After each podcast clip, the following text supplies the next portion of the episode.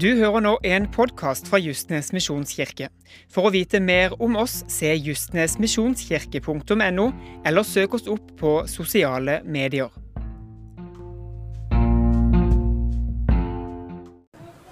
Og Jeg gleder meg til denne nye talescenen som vi skal ha, som heter Nådebader.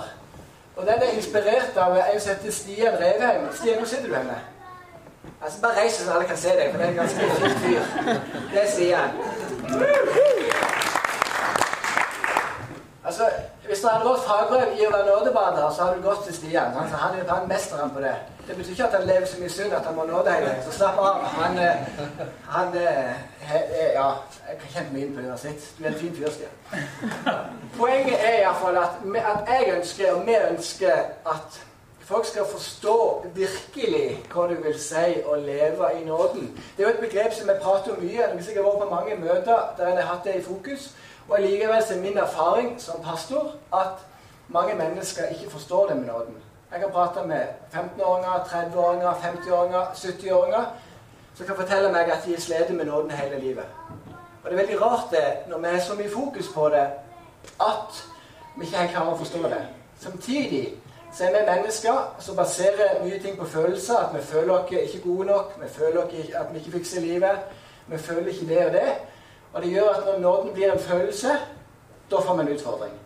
Så litt av poenget mitt med denne serien her er jo det at du skal finne ut at nåden er faktisk litt som matematikk. At 9 ganger 9, hvor mye er det? 81 er bra, det. 12 ganger 12, hvor mye er det? 144. Er er noen matematikere. Her er det bra, det. Sånn er det med nåden òg. At ja, vi kan føle den, det kan vi òg. Men samtidig skal vi òg vite at dette er vitenskap. At når det står i Bibelen at det er sånn, så tror jeg at det faktisk er sånn. Og når jeg jobba med å lage dette bildet her, så var jeg inne i et program, og når jeg skulle skrive bad, bading, så kom det opp en del bilder som ikke kunne brukes, for å si det mildt, på denne greia her. Så jeg scrollet nedover for å finne noe, men det meste var upassende. Men til slutt så fant jeg et bilde av en liten gutt i et badekar. Så tenkte jeg at det, det passer jo perfekt. For det er akkurat sånn Gud ønsker at vi skal ha det. At vi skal være som et lite barn som er i et badekar. Og det er ikke alle barn som liker å bade, men se at alle barn gjør det. Så når du bader oppi der, så kjenner du at det er godt å være der. Selvfølgelig at du kommer hjem en kveld og så bare legger du deg i badekaret. Det er ikke alle menn som syns det er så mannaktig, men se at du syns det. Og du legger deg ned der, og så bare slapper du av helt maksimalt. Da kjenner du at det er godt å leve. Da øker du graden gradvis. Kommer kona inn med god eplemos til deg når du ligger der. ikke sant? Kommer inn med Bibelen òg, så er som alt på, eh, på en plass der. Og det er litt det som jeg ønsker å få fram her, er jo det med å klare å leve i den nåden som Gud har i dere. Og Utgangspunktet er at vi skal gå gjennom Efeserbrevet er det mange som vil lese Efeserbrevet. Jeg vet at de fleste ikke har gjort det. Og Det er jo et brev som fokuserer ekstremt mye på nåde. Spesielt kapittel 1-3. Så ser du at det går igjen og igjen og igjen hva vi har fått når vi tror på Jesus. Og jeg bare sier det at det, Prøv å lese gjennom dette brevet hjemme utenom gudstjenestene. Og gjør dine egne tanker. Det er seks kapitler. Og vi skal tale om dette fram til jul, så du har, ganske mange uker på deg til å lese seks kapitler. Så det er mulig å gjøre det. Og det er ikke så lange kapitler heller. Det kan jeg jo bare si. Men prøv å lese gjennom, gjennom Efeserbrevet, så tenker du Hva må jeg gjøre for å bli frelst? Det er ene ting jeg vil du jobbe med. Enkelt og greit. Og så nummer to er Hvordan skal jeg leve som en kristen? For kapittel 1 til 3 handler om hva må jeg gjøre for å bli frelst? Og nummer 4-6 handler om hvordan skal jeg leve livet som en kristen. Så egentlig, i det brevet så oppsummerer Paulus hele den kristne læren på veldig få sider. Og Det syns jo jeg er fantastisk. Og Dersom dette brevet skulle hatt en overskrift, men jeg syns nådeverdet klinger mye bedre, så hadde det egentlig vært alt i Kristus. Men alt i Kristus jeg synes ikke det, altså det klinger bra for oss som tror på Jesus. sant? Jeg er jo enig med det. Men jeg tenker hvis jeg ikke tror på Jesus, så syns jeg at nådebadet er mer sånn Ja, interessant. Er du ikke enig? Men hele 34 ganger så leser vi i Efeserbrevet, et ganske kort brev, at det står at vi har fått alt i Kristus. Mange ting som blir ramset opp. Og det tenker jeg at vi skal ta med oss. Efeserbrevet det er brevet om de gode nyhetene. Du kan bare tenke deg at Hvis du kjenner igjen historien om den bortkomne sønn, så er en ganske kjent historie i Bibelen som handler om en som fikk arven sin litt tidlig, brukte opp hele arven sin, men fikk lov å komme hjem til faren sin allikevel. Dette brevet er akkurat sånn. Det er sånn at Vi står med store bannere med 'Velkommen hjem'. Det er ballonger, det er konfetti, bare for å vise gleden med at du har fått lov til å komme hjem igjen til Jesus. Det er ett vers som oppsummerer hele Efeserbrevet, og det er Efeserne 2,19. Skal lese det for dere nå. Og der står det Derfor er dere ikke lenger fremmede og utlendinger. Nei, dere er de hellige medborgere og Guds familie. At Efeserbrevet var tydelig på at alle som tror på Jesus, er blitt en del av hans familie. Hvis du velger å få en fosterunge, eller, eller du velger å adoptere et barn, så får det barnet lov til å komme inn i din familie og være en del av din familie. Forhåpentligvis òg få lov til å være en del av familien akkurat som dine andre barn som du har der. Og sånn er det i Guds rike, at alle mennesker som tror på Han, kan komme inn i det riket som er der. Jeg har lyst til å dele en historie som skal virkelig vise og illustrere tydeligere hva dette brevet faktisk er for noe. Så bare heng med meg nå. Og dette er en sann historie. Se for deg at du blir forlatt alene på gata i New York, og så er du bare åtte-ti år gammel. Kanskje du til bare er seks år gammel. Så blir du forlatt der alene. For tingen var det at du reiste fra Norge, og så skulle du over til USA for å få et bedre liv på 1850-tallet. Og i løpet av reisen så dør både din mamma og din pappa. Så når du kommer til USA, så er du helt alene. Og dette skjedde med tusenvis av mennesker på 1850-tallet og utover. Du har ingen penger, du har ingen slektninger, du kan ikke språket, og du er helt totalt overlatt til deg sjøl.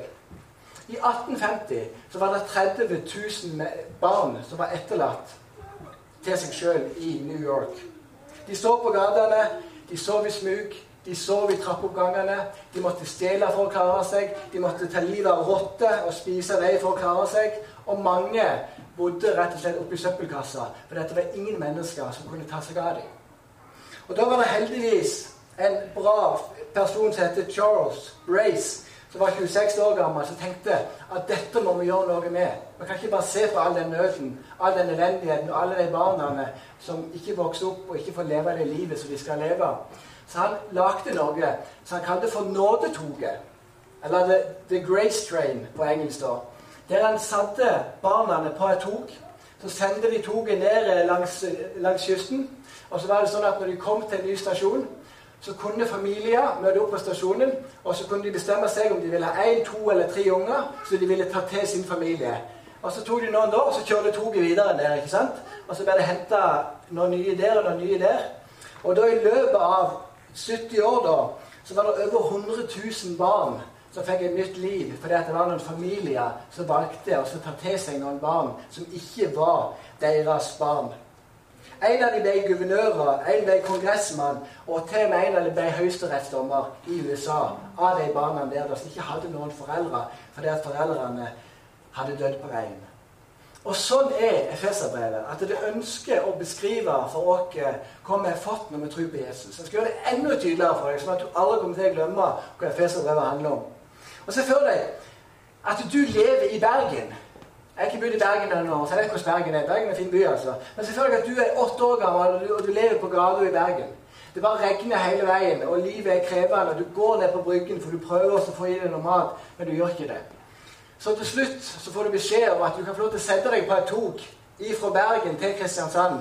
For i Kristiansand så er det en familie som har lyst til å ta deg imot. Du setter deg på toget, og du tar toget ned til Kristiansand. Der står en nydelig sørlandsk familie der. Begge snakker kristiansandsdialekt. altså Det er bare perfekt. Og de møter deg i en nydelig Tesla. Dørene er oppe, og du kan bare sette deg inn i Tesla. Og du vet jo hvem det folkene her er, for du sitter i avisen, du sitter på TV, du har hørt om de, de er kjente, og du vet med en gang at de her folkene her, de er mange millionærer. Du setter deg i Tesla og du kjenner som allerede at det her kan bli spennende. Og så kjører de da ifra, ifra byen, og så kjører de opp, og så ser du at oi, de kjører inn på Gimlekollen. Det er jo på Gimlekollen det skjer. Det er der rikingene i Kristiansand bor. Så da er det sånn at du bare tenker yes, det kan jo ikke bli bedre enn det nå. Kjører inn på Gimlekollen, og så, så kjører du forbi det ene store huset etter det andre. Så til slutt så kommer det største huset, det fineste huset, det huset med størst utsikt. Og så sier de 'Her skal du få lov til å bo'. Og alt det som vi eier, alt sammen, det er ditt. Tenk den følelsen. Den hadde vært rimelig god, skal jeg bare si deg. når du reiste fra det livet til det andre. Og sånn er dette brevet her. Og sånn er nåden. At Gud tar oss ifra kanskje ganske krevende ting. Så tar han dere inn og så sier han at jeg ønsker at du skal være en del av denne familien her. Paulus han har besøkt menigheten i Efesus veldig mange ganger. Jeg har bare lyst til å ta deg med på noen av de rundene når han var der. Og Første besøket leser vi om i Apostelgjerningen 18. Det kom ikke opp på veggen. det. Men da var han bare der noen få dager, og så sier han en ganske kjent setning. Han sier der at hvis Gud vil, og jeg lever, så kommer jeg til og så kommer jeg tilbake igjen. Det er ikke mange her hjemme som bruker den setningen, men min pappa han bruker den hver dag, 20 ganger til dagen. Hvis vi skal avtale noe, så er det sånn at ja, hvis Gud vil jeg lever om ei uke, så kommer jeg og besøker deg. Og sånn holder han på. For han er ganske pessimistisk av seg. Det er liksom ikke den mest positive fyren. Mens min mamma er jo ekstremt optimist, så vi er jo ganske ulike på det området der. Men Paulus sa det at hvis Gud vil og jeg lever, så kommer jeg tilbake om et år. Eller to eller tre. Og Paulus kommer tilbake, og så velger han å være i den byen i, i, nesten tre år. Det er ganske lenge Paulus velger å være der. Og det er ganske sprø ting som skjer. Jeg har lyst til å fortelle, fortelle, litt hva som skjer når Paulus er i denne menigheten her. Vi ser at han døper mennesker. Vi ser at, at mange begynner å tale tunge fordi at han ber for dem. Mange begynner å tale profetisk fordi at han ber for dem. Vi leser til og med at folk tar tørklærne til Paulus. altså Altså, Til og med lommetørklærne til Paulus og snyter seg i. Det er ganske spesielt der, men jeg bare forteller det. At de som han snøter seg i, så i dag kanskje han var full, han var full av korona, ikke sant? de tar folk med seg. Og så gir de til mennesker. Så de tar med seg lommetørklær, og så gir de lommetørkle til deg. Og idet du tar lommetørkle, så blir du plutselig helbreda. Det er ganske sprø ting som skjer. Og det som er at, at Håndklær som Paulus hadde, som kanskje hadde tørka svetten med, de gir han til folk. Og så tar de det med seg, og når folk legger det under puta si, f.eks., og så sover de, så våkner dagen etterpå, så er de friske. Ganske spesielle og sprø ting som skjer med Paulus. Vi leser òg det at veldig mange som hadde drevet med svartekunster, kom og tok imot Jesus. Og så står det det at verdien på alle svartekunstbøkene som de la på et bål og brente, var 50 000 sølvpenger. Jeg vet ikke om dere kjenner til at uh, Judas fikk ganske, han fikk vel en 30 sølvpenger for å ta livet av Jesus. Og verdien på de 30 sølvpengene det er mellom én månedslønn og fire månedslønner. Det er litt vanskelig å si nøyaktig. Men her var det verdier til 50 000 sølvpenger med trolldomsbøker. Det betyr at det er ganske mange bøker som blir brent på bålet for Paulus der. Så alt dette fikk Paulus lov til å være med og oppleve og leve i når han var i menigheten i Efesus. Jeg har lyst til å lese en tekst for dere i dag som er fra Efeserbrevet. da. Jeg har valgt å ta Ny generasjon-oversettelsen. Det er en veldig bra oversettelse, for den er oversatt Bibelen på en enklest mulig måte, sånn at vi alle skal forstå hva som står der. Så bare hør på det her. Det står i kapittel 1, altså vers 3 og utover. La oss hylle Gud, Han som er far til vår Herre Jesus Kristus. Gud har ved sin ånd gitt oss all godhet. Og prøv å legge merke til det som står at Gud har ved sin ånd gitt oss all godhet pga. vårt fellesskap med Kristus. Allerede før verden ble skapt, hadde Gud i sin kjærlighet bestemt at den som lever i fellesskap med Hans Sønn, skal få tilhøre ham og en dag stige fram for Gud uten skyld. Ja, dette var hans vilje, og han gledet seg til at dette skulle skje. Kommer tilbake til det, Men tenk det, at Gud gleder seg til at han skulle ofre Jesus, sånn at Jesus kunne stå opp igjen, ta på seg alle synder, sånn at vi kunne komme til ham. Han gleder seg til dette. Det står i Guds ord. Så la oss hylle Gud for den fantastiske nåden som han har vist oss ved at vi tilhører Hans elskede sønn. Så står det videre i vers 11. Ettersom vi nå lever i fellesskap med Kristus, skal vi også få arve alt det gode som finnes hos Gud. At alt som Gud er, og alt som Gud eier, alle kreftene sånn sett, skal vi få lov til å arve. Og noe av det arver vi på jorda, men mesteparten av det arver vi når vi kommer til himmelen. Kommer litt tilbake til det seinere. Så står det videre at alt det Gud tenker ut, blir som han vil. Så hopper jeg til vers 12, og så leser jeg, eller 13, så leser jeg bare ned til slutten der. Gud har også gitt dere sin Hellige Ånd som et tegn på at dere tilhører ham. Dette er helt i tråd med det han lovte for lenge siden. Guds ånd er garantien for at Gud virkelig skal la oss arve alt det gode som finnes hos ham. Den dagen han setter oss fri, er vi hans eget folk. Dette er enda en grunn til å hylle og ære Gud. Det står i Feserbrevet 1,4, som jeg leste, og det kom opp på veggen her òg, at allerede før verden ble skapt, hadde Gud i sin kjærlighet bestemt at den som lever i fellesskap med Hans sønn, altså Jesus, skal få tilhøre ham og en dag stige fram for Gud uten skyld. Så det er bare ta som passer perfekt inn fra 1. Timoteus 2,4. At han som vil, det er Gud som sier dette, at Gud vil at alle mennesker skal bli frelst og lære sannheten å kjenne. Når vi tar imot Jesus, så handler det egentlig om at vi holdt f.eks. på å drukne. Og så kommer Jesus og løfter oss opp i vannet, og så kommer han og redder dere og sier at 'jeg kan redde deg'. Det er jo sånn at, eh, at i vers 7 i en annen oversettelse som jeg leste for dere nå, så er det et ord som heter ordet forløsning blir brukt her. Og Det betyr at en krigssanger f.eks., som var dømt til døden, han fikk plutselig lov til å komme fri. For at en person hadde makta og sier at vet du hva, du skal få lov til å slippe det som er sagt skulle skje med deg nå, og så ta deg fri. Hvis dere husker historien med Barabas og Jesus når Jesus skulle bli korsfesta, så var det en skikk at hver påske så satte de fri en fange. Og da var det spørsmålet skal Jesus settes fri, eller skal Barabas settes fri. Barabas var en morder. Han hadde gjort mye, mye forferdelig. Han var sikker på at han kom til å dø, men plutselig så sier de sier Pontus Pilatus til ham at du skal få lov til å bli satt fri i dag. Og det er ganske sprøtt når du vet at du er dømt, men allikevel sier noen at det er nåde. Du skal få lov til å slippe å ta den straffen som du egentlig har fortjent. For at Gud, han har kjøpt dere fri. Og det er Guds vilje at alle mennesker Han ønsker at alle mennesker skal ta imot Jesus. Det er Guds sterkeste og dypeste ønske. Og det kjenner jeg jo som pastor, og som den jeg er, så det er ingenting jeg bare vil enn at alle mennesker skal ta imot Jesus og finne ut at det er et utrolig spennende liv å leve. For nådebadet handler jo om det at når du tar imot Jesus, så er det så utrolig spennende det livet vi kan få lov til å leve. Og det er så mye mer spennende. Og jeg skal komme mer tilbake til det gjennom de andre talene som jeg har senere. Det jeg vil, vil punktere litt mer, er det at Gud gleder seg til denne dagen. Efeserne 1.5b som står der. ja, dette var hans vilje, og han gledet seg til at dette skulle skje. Se for deg at du sitter som mann, da. Du, du sitter framme i en vielse, og, og, og kirkeklokkene begynner å dinge. ikke sant? Og du sitter og venter på at din brud skal komme opp kirkegulvet. Den følelsen du har da, den forventningen du har da, den gleden som du kjenner på i det du, du bør iallfall ha det, så ikke du bommer totalt. Men du skal ha en sånn god følelse der du sitter, på at den som er der, skal jeg leve resten av livet med. Det skal ikke være sånn åh, Tenk at jeg skal leve resten av livet med hun der. Det blir krevende. Og hvis du tenkte på det når du satt der, da har du bomma, altså. Men det, går, det kommer nok til å ordne seg, altså. Men det, det, skal være sånn at når du sitter der, at yes!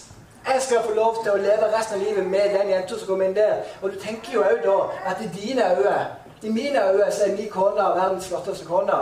Jeg håper ikke hun er i dine øyne, eh, men i mine øyne så er hun det. Og da er det sånn at når jeg satt der og venta, du bare, du bare kjenner kroppen riste, ikke sant og dørene åpner seg, og hun kommer gående inn, og tårene presser på. Dette var litt i sterkt øyeblikk når du er der. Og sånn tenker jeg at det var med Gud. At han satt og gleda seg til den dagen når alle mennesker som trodde på han, kunne si at vet du hva, Gud, jeg ønsker å tro på deg, og jeg ønsker å leve livet sammen med deg. Det kan jo sammenlignes med at når du er på fødsel eh, det er mange, De fleste har faktisk vært med på en fødsel. og jeg må si personlig at fødsel er krevende tema for ektemann. Men det er jo ingenting i forhold til damene som slapper av. Jeg prøver ikke, prøver ikke i det hele tatt. Men å være på fødsel, og du er der, og det er mye smerte, og det er mye lyder, og du prøver ja, men Kom igjen, det her går greit, det ordner seg. Jeg sa ikke så mye om Gud var med deg, det visste hun. Men jeg sier at det er fint og god og Jeg prøvde å være så positiv som jeg var. og prøvde å vitse litt, så noen ganger lo jordmor òg, det var god stemning. Jeg prøvde å holde det gående. Og når du er på fødselen, da, den, følelsen i det kona di gjør det lilleste som kan gjøre, så føder en unge, så er det krevende da. Men idet ungen kommer ut, og den følelsen jeg kommer aldri til å glemme, spesielt med Olivia, som er vår første, når, når jeg ble tatt opp og ble lagt der sammen med kona mi, og når jeg ser gleden hos kona mi etter å ha vært i fødsel i 26 timer, så er det liksom sånn at wow, dette er bare helt fantastisk. For et under, for et mirakel. Og jeg husker, jeg husker jo det at etter noen uker når vi var på XXL og skulle handle noe greier. Så gikk vi der med vognen, og så begynte han å grine. Og jeg var liksom yes, nå begynte han å grine, for det, eller, jeg tenkte det var bra, for da kunne jeg ta det opp. Så kunne jeg vise hele verden. Så jeg gikk der og hadde han sånn, og prøvde liksom tydelig å vise hvor skjønn den ungen er. Sånn at folk skulle se han. Det var nesten borte. sånn, og, ja, se på han her, ja, han var skjønn. ikke sant? Og jeg tror Gud syns vi er skjønne òg, altså. Det er ikke poenget her. Men på samme måte så kjenner Gud på en glede når vi kommer til ham. Og Jeg bare håper at vi skal klare oss å utvide det der blikket, horisonten på det, og gleden på det. At så glad og så stolt er Gud av deg. Så glad og så stolt er Gud av meg. Og Jeg merker det når jeg blir tobarnsfar. og Det er jo like enkelt å ha like mye kjærlighet til nummer to som til nummer én. For det er alltid nok kjærlighet. Om jeg skulle få ti unger Jeg skal ikke få det, altså. Men skulle jeg fått det, så tror jeg at det hadde vært nok kjærlighet til alle ti. Jeg tror bare at kjærligheten bare blir større og større og bredere og bredere. Og sånn er det med Gud, at han er mer enn nok kjærlighet til alle. Og han gleder seg til at vi alle sammen skulle få lov til å kunne være en del av det livet som han har skapt for oss mennesker. Så han elsker deg. Han er din største fan, og han ønsker deg bare det beste. Og han gleder seg rett og slett til at du skulle være en nådebader. At du skulle være sånn som den lille babyen som dere ser oppi der, som bare ligger i badekaret og bare kjenne og nyte livet. Og det gleder han seg til. Videre, Den siste tingen jeg vil peke på i dag, er at vi skal få arve alt det gode, det gode som fins i Gud.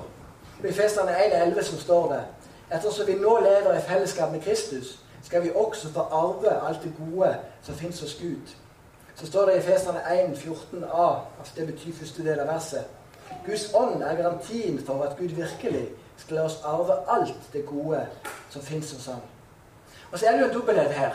For ofte når, når, du lever på jorda, så det er jo noen som gir forskudd på arv. Ja, du kan egentlig si det sånn at Gud først gir dere forskudd på arven. sant?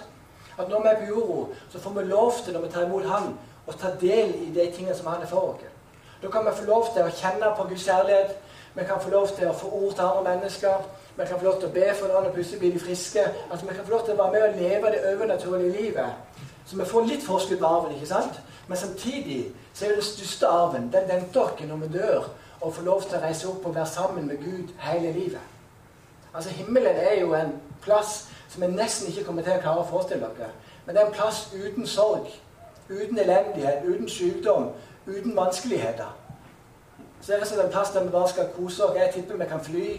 Jeg tipper vi kan bare fly rundt der. og vi kan, der, der stå, Kanskje vi kan bare ligge på sida av ei løve og bare klemme løva. Altså god stemning. Jeg vet ikke.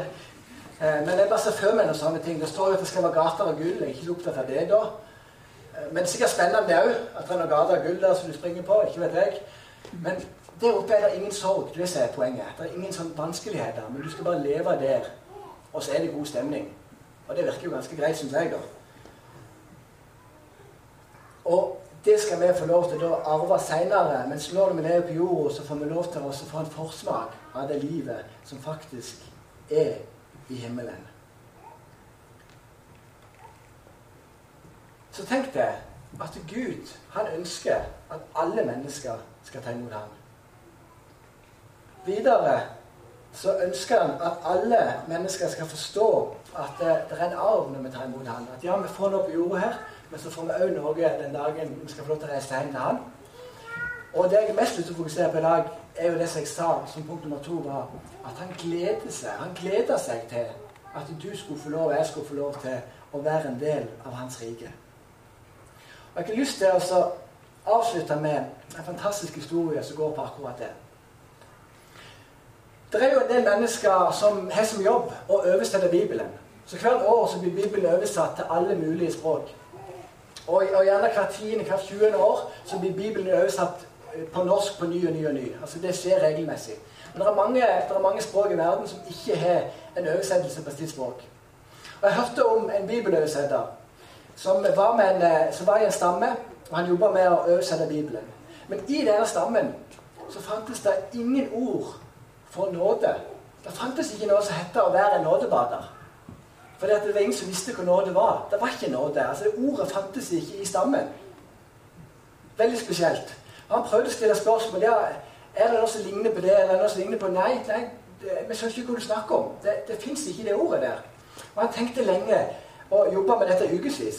Hva ord skal jeg øse det for nåde? For nåden er jo rimelig sentral for å tro på Jesus. Det tror jeg dere er enig i. Altså Forstår du ikke ordet nåde, som betyr gratis, så begynner det å bli vanskelig.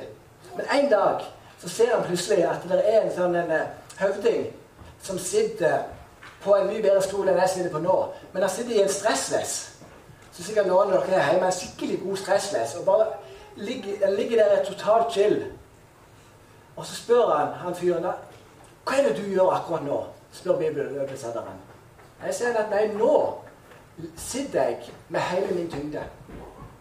Og så tenkte han at ja, der har du ordet for nåde. Eller setningen for nåde.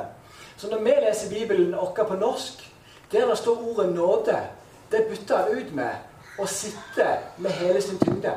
Så når det står på norsk 'av nåde er dere frelst', så står det på den oversettelsen at når du sitter med hele din tyngde, da er du frelst. Ikke sant? Og jeg syns det bildet er fantastisk å tenke på. At sånn er nåden. At når vi setter oss ned, og vi er totalt avslappa Følelsen er bare totalt avslappa. Da lever vi i nåden. Og det er det jeg ønsker å få fram med denne serien her. At når vi er en nådebader, da bare sitter vi og vet at Jesus han har gjort alt som han noen gang skal gjøre for oss. Og for oss, for oss, gjerne dere skjønner, oss betyr oss, oss, oss. Så for oss oss så betyr det rett og slett bare å sitte der og ta imot. Og så vet jeg mange der sitter og tenker ja, men det er jo sånn at når du tar imot Jesus, så må du, du må ikke gjøre det, du må ikke gjøre det, du må ikke gjøre det, og det er sånn og sånn. Ja, men i dag så har jeg bare lyst til å la dere stoppe der. Med at du er frelst av bare nåde. Min oppgave som forkynner er ikke alltid å lande på null og lande på midten, så i kveld så skal jeg bare lande i den siste nådegrøften som kan være i, og det skal vi være i dag. Og så når jeg taler ikke neste søndag, men søndagen etter, for da er det min tur igjen, så har jeg lyst til å prate litt mer om hva betyr egentlig begrepet nåde, og hvordan kan vi leve i nåden på en god måte. Du har nå hørt en podkast fra Justnes misjonskirke. For å vite mer om oss, se justnesmisjonskirke.no, eller søk oss opp på sosiale medier.